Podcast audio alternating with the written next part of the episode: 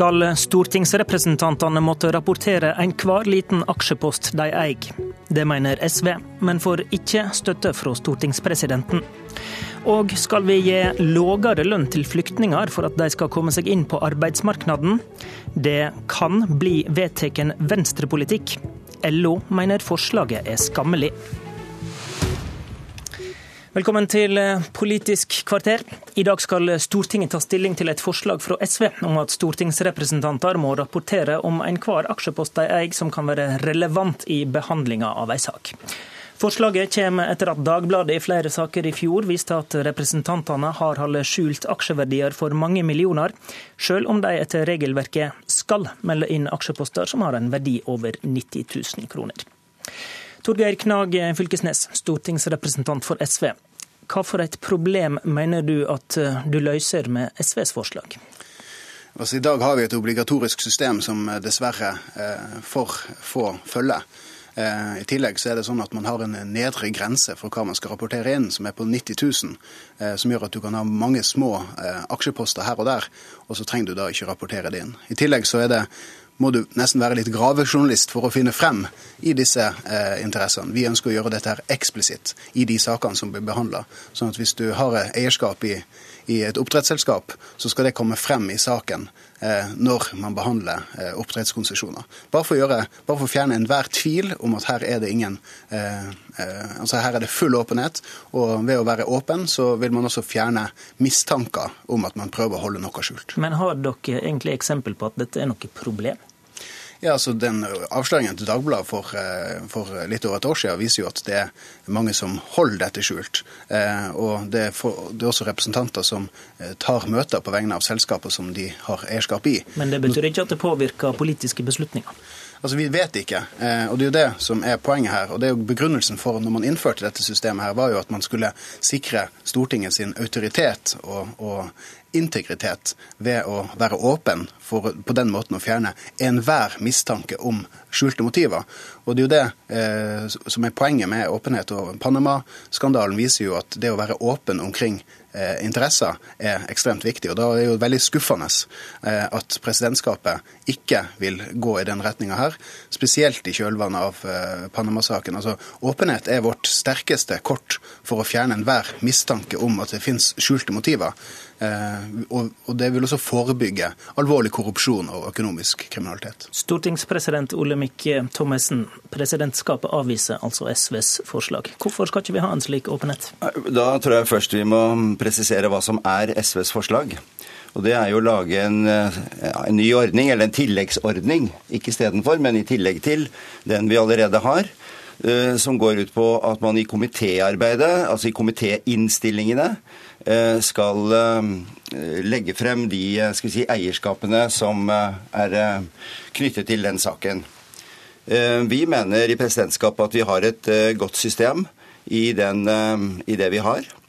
Vi ser jo at det er ganske enkelt å finne frem til å skaffe seg kunnskap om om eh, aksjeposter eller andre eierskap. Ehm, og eh, det forslaget til eh, SV tror vi vil forskyve oppmerksomheten bort ifra det skal si, ansvarsfellesskapet vi har i Stortinget, og over til skal vi si, det som er komitébehandlingen, men som ikke er en del av, eller som ikke er den viktigste delen av en saksbehandling. Men for å snu på det, da.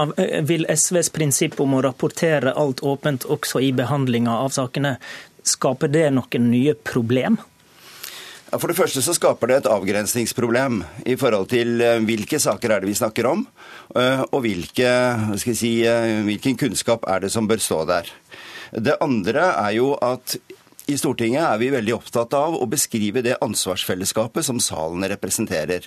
Alle stortingsrepresentanter har et stort ansvar i å sørge for at Ehm, korrupsjon ikke skjer, at eh, den type informasjon som eh, Fylkesnes peker på, er fremme. Altså at vi har et transparent og godt system.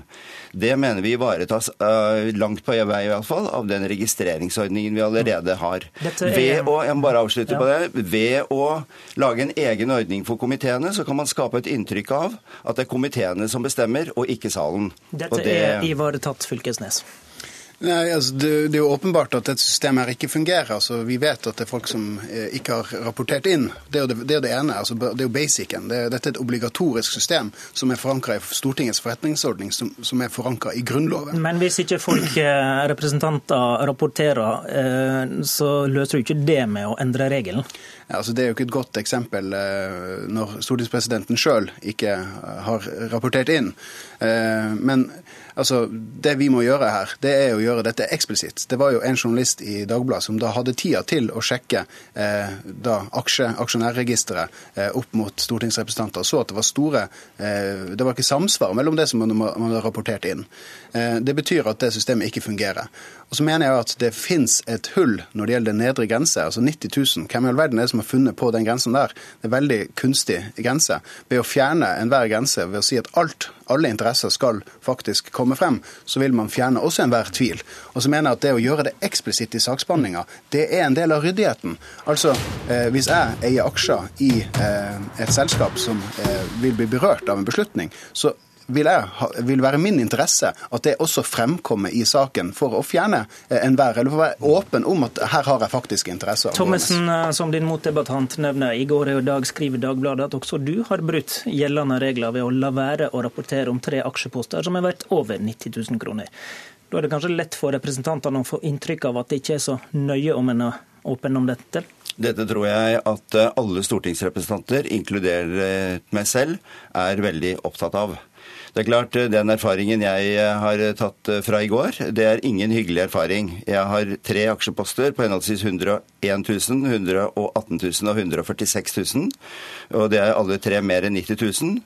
Det har gått under radaren for meg, og jeg har ikke registrert det i tide. Og det er veldig, veldig ubehagelig. og det er en oppvekker for meg, men jeg tror også for eh, mine kollegaer. Og jeg tror de aller, men beviser det ikke nettopp Fylkesnes sitt poeng, da, at hvis det ikke var noen sånn grense, at en måtte rapportere alt, så var det mye enklere, også for deg?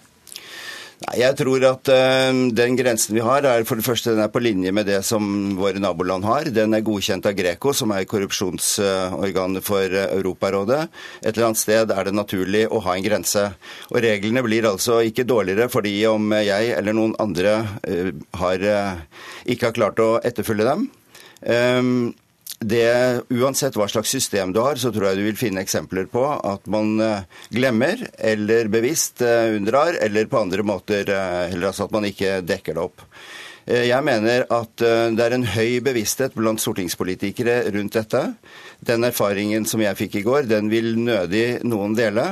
Og jeg syns at vi har et system som fungerer godt. Det er lett å finne frem i, det er lett å se inn i. Og som sagt, Dagbladet har med noen enkle grep funnet ut at jeg f.eks. eide disse aksjene i går. SVs forslag blir ventelig avvist i salen i dag. Takk til Torgeir Knag Fylkesnes, og takk til Olemic Thommessen.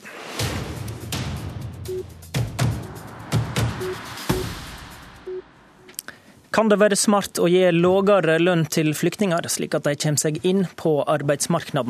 Mye tyder på at introduksjonslønn for flyktninger kan bli vedtatt på Venstres landsmøte til helga.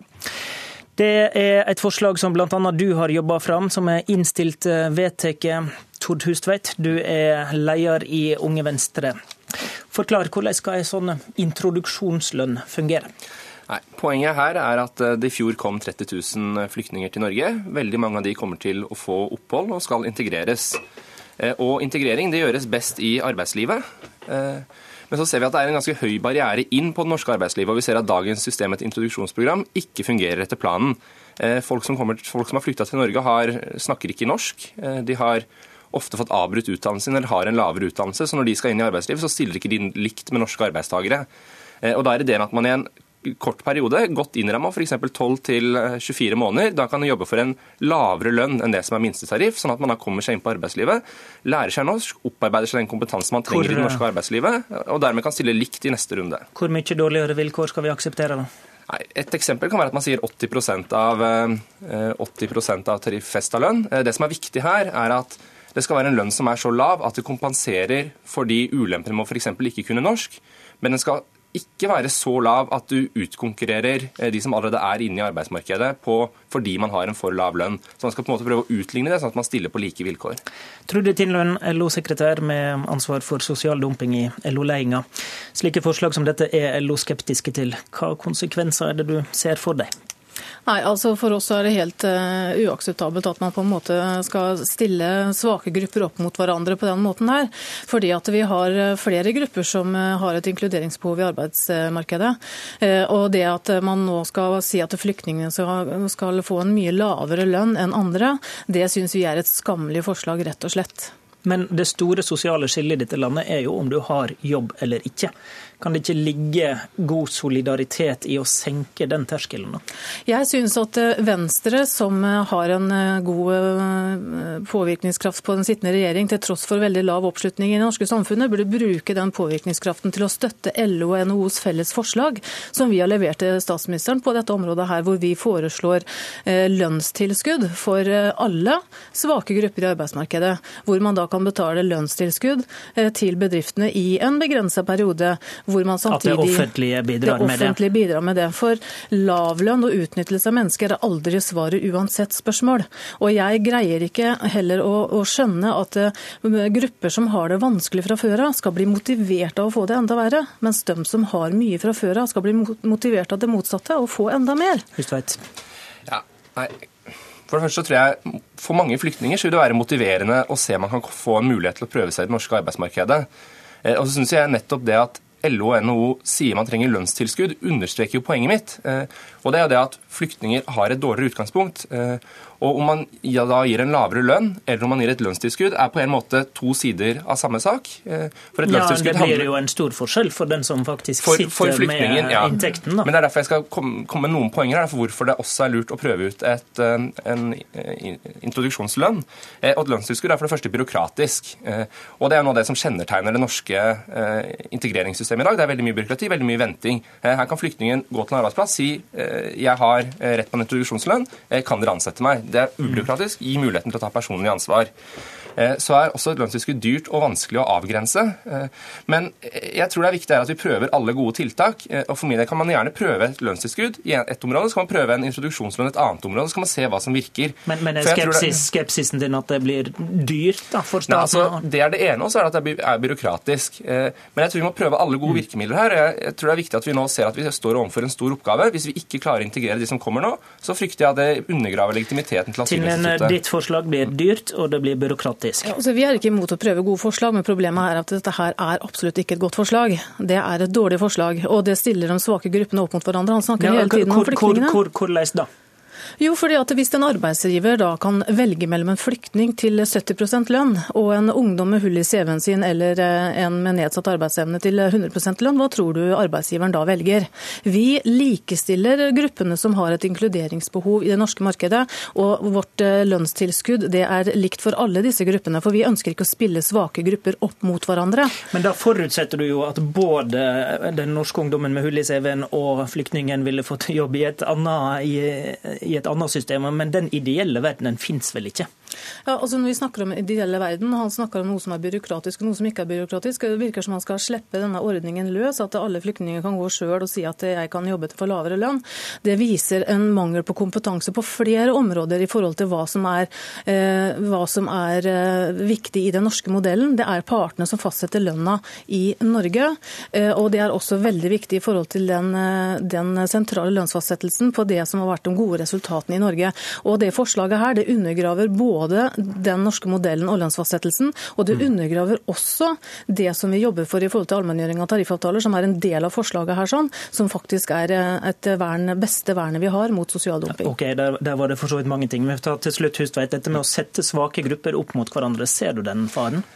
Ja, og eh, Det er jo et veldig sterkt virkemiddel, men jeg tror det er et nødvendig virkemiddel. For Hvis vi ikke klarer å få flyktningene inn i jobb, så risikerer vi å få en ny permanent underklasse som blir stående utenfor det norske samfunnet. Eh, og så tror jeg at Poenget her er at vil, flyktninger vil, vil, Det er ikke sånn at man hele tida får en stor gruppe, men poenget er å flytte folk opp fra den gruppa og inn i samfunnet, sånn at det ikke lenger blir en konkurranse med de som står utenfor, ikke, men at man får flyktningene inn, og det er målet med det forslaget her. Vi får se i helga hva Venstres landsmøte sier. Noen av innvendingene kommer nok i landsmøtesalen også.